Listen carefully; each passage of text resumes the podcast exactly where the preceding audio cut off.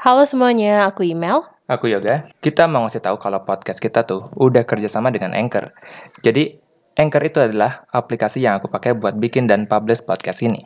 Emang apa aja sih keunggulannya? Easy to use, gampang banget buat dipakai. Selain itu, dalam aplikasinya ada fitur-fitur yang kita perluin buat bikin podcast. Nah, hebatnya lagi, Anchor bisa bantu distribusiin podcast kita ke Spotify dan berbagai macam platform lainnya. Satu lagi nih, Anchor 100% gratis guys. So, download aplikasi Anchor dan mulai podcastmu sendiri.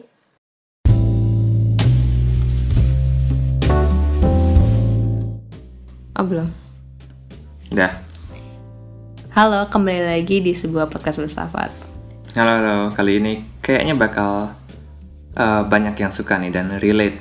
Karena kali ini kita bakal ngomongin sesuatu yang memang jadi keresahan generasi muda kita ya. Topik zaman now. Ya, yakni uh, anxiety. Ya. Cih. Kayaknya ini kata yang keramat banget nih ya buat uh, generasi Gen Z. Gen Z. Kayak kita Gen Z bukan sih? Iya, kayak milenial kayaknya, milenial akhir. Uh, iyalah, maksudnya ntar kita salah ngomong uh, tangannya langsung apa yang dengar langsung tremor atau panic attack gitu. Enggak enggak deh bercanda. Maksudnya kita nggak kayak apa podcast sebelah yang bercandain Gen Z gitu. Malahan kata seorang filsuf yang akan kita bahas di episode ini mengalami anxiety adalah pertanda yang baik. Jadi bagus berarti yang punya anxiety. Lah aku bisa bukannya anxiety itu ada itu adalah perasaan yang um, seharusnya kita hindari gitu ya? Umumnya gitu kan di masyarakat kita sekarang anxiety dianggap sebagai sebuah penyakit itu hal yang negatif yang perlu diubah. Tapi bagi Soren Kierkegaard seorang filsuf asal Denmark ini anxiety merupakan hal yang wajar dan memang manusia pasti temui dalam hidup ini. Oke nih sebelum lebih detail lagi mengenai pemikirannya pemikirannya siapa tadi? Soren Kierkegaard mengenai anxiety kita perlu kilas balik dulu nih. Kita perlu mengenal latar belakang hidup dari seorang Soren Kierkegaard. Ya. Untuk orang yang tema filsafatnya fokus pada kehidupan, anxiety, dan kebebasan, kira-kira kisah hidupnya tuh kayak gimana sih? Soren Kierkegaard adalah seorang filsuf yang berasal dari Copenhagen, Denmark. Lahir pada tanggal 5 Mei 1813, Kierkegaard adalah anak terakhir dari tujuh bersaudara. Dan dia berasal dari keluarga yang bisa dibilang uh, kaya lah ya gitu, berada gitu. Jadi ya dia punya privilege dan well educated. Kierkegaard tertarik dengan filosofi karena diperkenalkan dari kecil oleh sang ayah. Saat beranjak dewasa dan akan kuliah, dia malah uh, milih uh, jurusan teologi di University of Copenhagen. Meskipun memang pada akhirnya memutuskan untuk meninggalkan jurusan tersebut dan lebih menunjukkan ketertarikannya pada sastra dan filsafat. Hmm, gitu aja tuh nggak ada yang menarik gitu biasanya kan ada plot twistnya kisah-kisah hidupnya ya um, sebenarnya banyak ya yang menarik dari kehidupannya Kierkegaard. Mulai dari permasalahan percintaannya keluarganya dan kesehatannya. Tapi mungkin untuk uh, percintaannya lain kali aja gitu. Tapi yang mau aku tekankan adalah tentang kehidupan Kierkegaard yang sangat dekat dengan kematian. Kenapa gitu? Karena dari kecil dia melihat orang tuanya dan saudara-saudaranya meninggal. Lima dari saudaranya meninggal, hanya dia dan satu saudaranya yang masih bertahan hidup. Tapi meskipun Soren Kierkegaard masih hidup, namun dia bisa dibilang jauh dari kata sehat. Dia mengidap depresi dari kecil hingga mengidap uh, pot disease gitu ya, atau kayak semacam tuberkulosis yang menyerang tulang uh, tulang belakang. Sorry.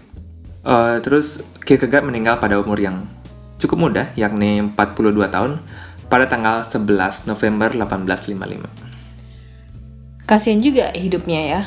Tapi mungkin karena pengalaman pahit yang itu um, bisa buat dirinya nulis berbagai karya mengenai kehidupan kan.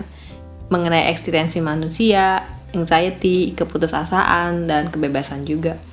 Pastinya ya, dan Kierkegaard melihat eksistensi manusia sebagai sebuah sintesis atau perpaduan dari hal keberlawanan dia bilang gini, karena diri adalah sintesis di mana yang terbatas adalah faktor pembatas dan yang tak terbatas adalah faktor yang berkembang. Bikin bingung ya, maksudnya intinya dia bilang manusia adalah perpaduan antara hal terbatas dan hal tak terbatas gitu ya.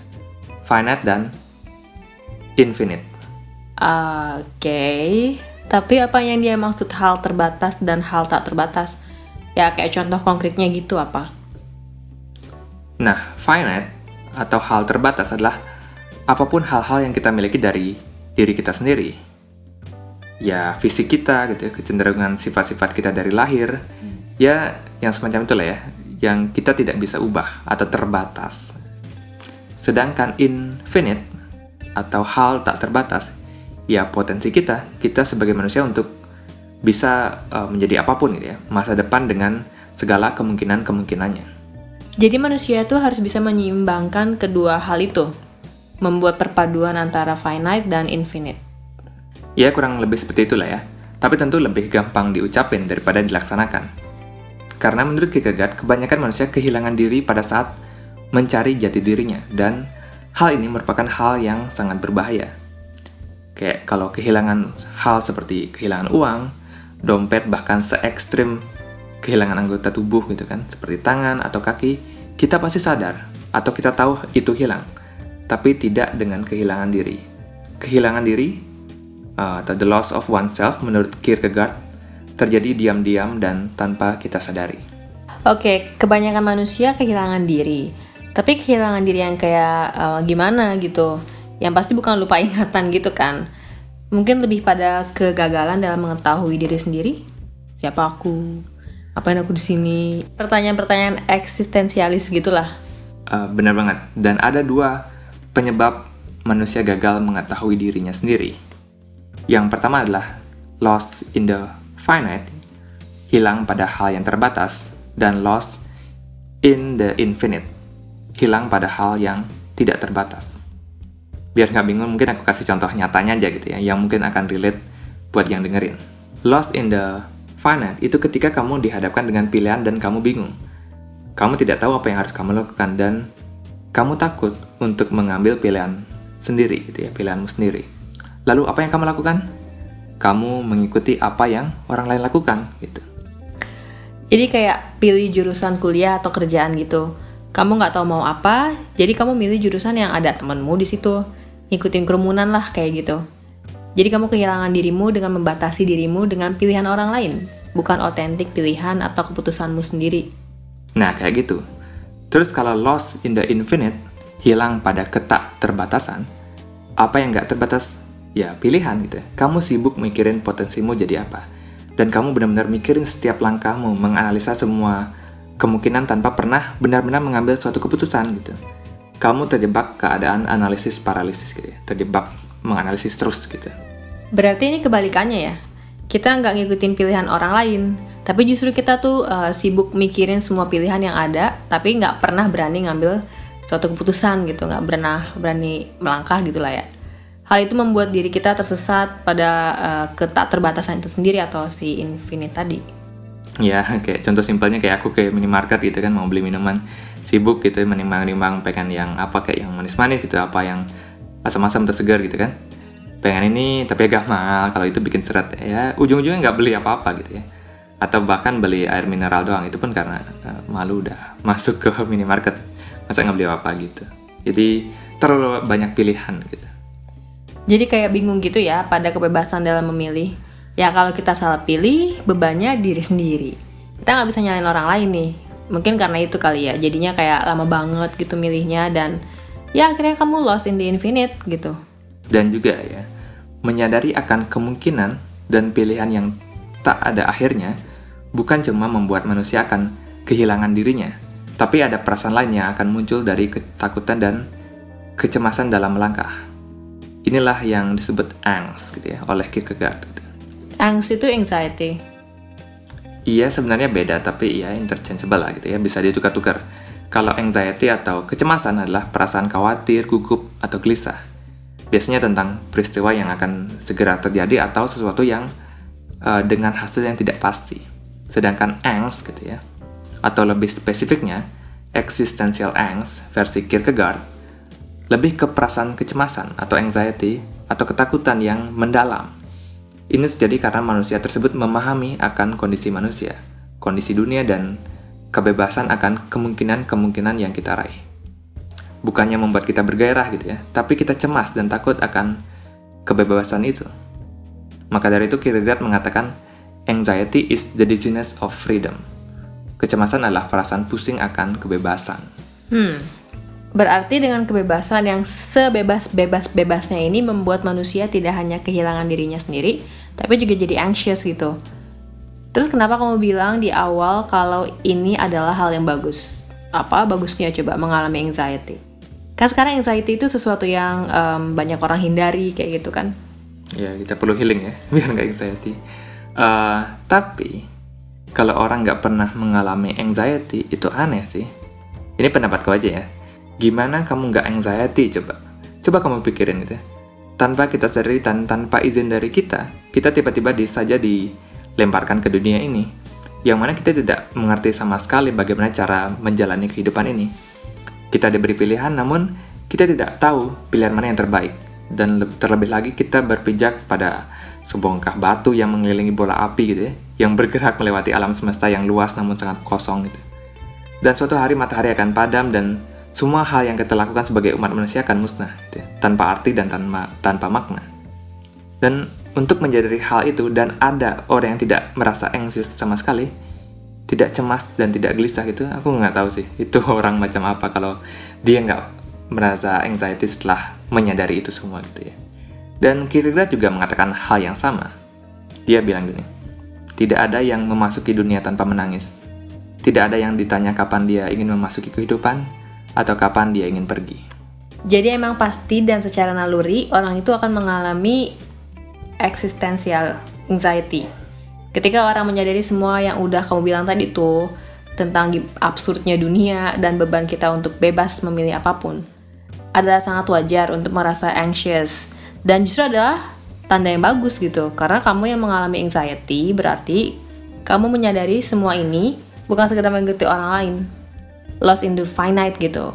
Bukan orang yang ignorant, yang hidup sekedar untuk bertahan hidup. Kamu adalah orang yang mempertanyakan hal. Kamu melihat kengerian dari kebebasan, dan sebagai akibatnya kamu merasa cemas nih dalam hidup ini. Benar, yang kamu butuhkan adalah melewati anxiety itu, bukan hindari ya. Kierkegaard bilang gini, e, saya akan mengatakan bahwa ini adalah petualangan yang harus dilalui oleh setiap manusia untuk belajar menjadi cemas. Siapa pun yang telah belajar untuk cemas dengan cara yang benar, telah mempelajari yang paling utama. Nah gitu ya. Dengan mengalami perasaan yang tidak menyenangkan tersebut, setidaknya kamu sudah melangkah lebih dekat menuju diri yang sesungguhnya, diri yang tidak tersesat di antara finite dan infinite. Tapi gimana caranya coba? Gimana caranya melewati rintangan yang berupa anxiety tadi itu? Uh, Jawaban ini mungkin tidak akan memuaskan semua orang ya yang dengar ini karena jawaban Kierkegaard adalah dengan melakukan leap of faith ya, lompatan iman. Aku udah bisa bayangin nih pendengar yang ateis gitu kayak eh gitu kan. Eh gak usah alergi gitu dengan hal-hal yang berbau agama, santai aja. Tarik nafas gitu kan. Karena emang ya Soren Kierkegaard adalah seorang Kristen gitu ya.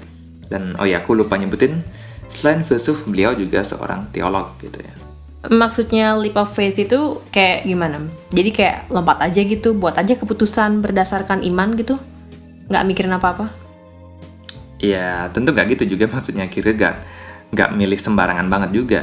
Meskipun kita memang harus memikirkan dengan baik pilihan-pilihan apa yang akan kita ambil, kita pikirkan secara rasional. Namun, kalau kita nggak ngambil keputusan itu ya, kita nggak bakal gerak gitu, kita nggak bisa maju maka dari itu, lompat aja mending gitu ya, nggak usah takut kalau kita mungkin akan menyesali pilihan itu. Karena apa yang tidak disesali di dunia ini, gitu kan? Ini ada lagi nih quote dari uh, Kierkegaard. Dia emang uh, apa banyak kuas ini bapak bapak-bapak ini. Dia bilang gini, e, menikahlah ya, dan kamu akan menyesalinya. Jangan menikah, kamu juga akan menyesalinya. Menikah atau tidak menikah, Anda akan menyesalinya.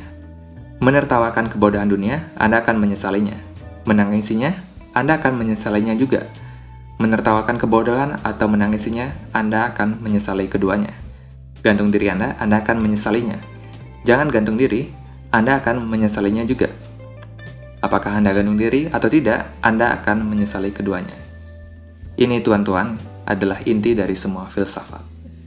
Jadi nggak ada ya pilihan tanpa penyesalan. Ya udah lompat aja, terus siap aja ngadapin penyesalannya.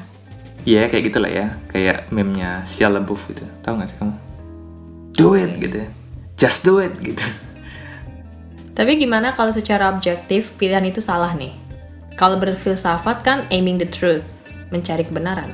Gak apa-apa, karena bagi Kierkegaard, yang dibutuhkan manusia adalah subjective truth, ya, kebenaran yang subjektif. Mungkin aku bacain lagi nih kutipannya Kierkegaard ya, biar paham. Yang benar-benar kurang dari saya adalah menjadi jernih dalam pikiran saya. Apa yang harus saya lakukan, bukan apa yang harus saya ketahui.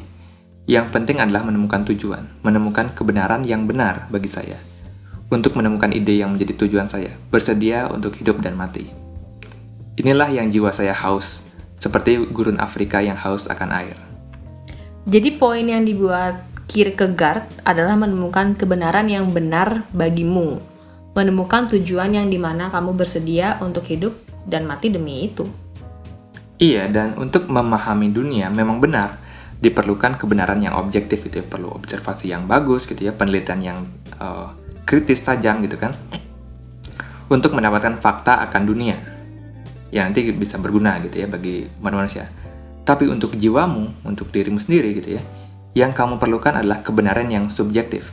Sains gak bisa milihin jurusan buatmu gitu, atau milihin karir mana yang bisa membuatmu bahagia. Ya, kamu sendiri yang harus berani membuat keputusan itu. Inilah yang disebut dengan kebenaran subjektif oleh Kierkegaard. Oh, jadi uh, Kebenaran subjektif itu adalah kebenaran yang udah kamu jalani dan alami, bukan seperti kebenaran objektif yang cuma untuk ditauin aja gitu. Uh, mungkin satu lagi nih mengenai Kierkegaard, mengenai bagaimana dia berkomunikasi dengan pembacanya. Mungkin untuk kita yang hidup di abad ke-21 ini berapa poin yang Kierkegaard sampaikan mungkin sudah pernah disampaikan orang oleh orang lain gitu kan, dibuat quote atau apa. Namun bagi masyarakat abad ke-19, pemikiran-pemikiran tadi masih susah untuk diterima. Maka dari itu Kierkegaard menggunakan teknik indirect communication atau komunikasi tidak langsung. Oh, daripada langsung nyerang dan melucuti kepalsuan beliefs dan ide-ide yang orang lain miliki nih, Kierkegaard justru menggunakan indirect communication untuk membuat seolah-olah orang tersebut memikirkan sendiri hal-hal yang ingin dia sampaikan. Ya, semacam itulah ya. Kalau langsung diserang aja gitu manusia cenderung akan masuk ke mode bertahan gitu ya defense mekanismenya hidup gitu ya. Dia jadi bebal gitu denial gitu maka dari itu Kierkegaard lebih suka mengajak pembacanya pelan-pelan mempertanyakan pemikiran mereka sendiri gitu ya dikasih clue-clue gitu ya sampai akhirnya pembaca itu tercerahkan sendiri ya dengan ide-ide baru yang sudah diarahkan oleh Kierkegaard. Terus gimana caranya Kierkegaard menggunakan indirect communication ini kepada pembacanya? dia mengimplementasikan indirect communication lewat pseudonym. Pseudonym itu nama fiktif yang biasa dipakai sama author kan? Iya, pada banyak karya-karyanya, dia menggunakan nama orang lain atau nama fiktif sebagai penulis dari buku-bukunya gitu.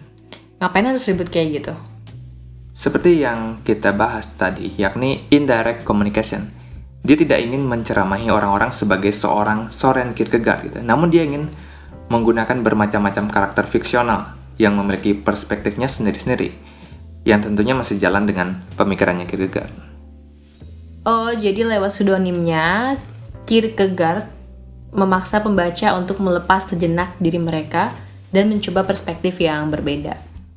Ya, dengan begitu diharapkan orang bisa lebih subjektif terhadap cara hidup orang lain. Karena kalau dipikir-pikir, kita cenderung objektif terhadap orang lain, gitu. sedangkan kita sangat subjektif terhadap diri kita sendiri, gitu ya. Kierkegaard uh, sekali lagi bilang gini, kebanyakan manusia subjektif terhadap diri mereka sendiri dan objektif terhadap orang lain. Kadang-kadang sangat objektif. Tetapi tugas kita justru menjadi objektif terhadap diri sendiri dan subjektif terhadap orang lain. Iya sih, coba aja kita bayangin nih ada orang merobos lampu merah. Kita pasti langsung mencela gitu lah kan. Dan melihat secara objektif bahwa ya lampu merah nggak boleh dilanggar gitu kan. Sedangkan ketika kita langgar lampu merah, kita pakai alasan inilah, itulah. Padahal yang benar adalah justru sebaliknya. Kita harus coba memahami kenapa orang itu sampai ngelanggar lampu merah dan buru-buru banget gitu. Kalau yang ngelanggar pakai mobil, mungkin di dalamnya ada orang sakit, istrinya mau ngelahirin atau gimana kan kita nggak pernah tahu. Masa kita ketok. Maka dari itu kita harus lebih subjektif terhadap orang lain. Iya benar. Kalau kita mau melanggar lampu merah, kita harus benar-benar mikirin ya, apakah pelanggaran yang kita lakukan benar-benar bisa dijustifikasi. Kita harus objektif terhadap diri kita sendiri gitu.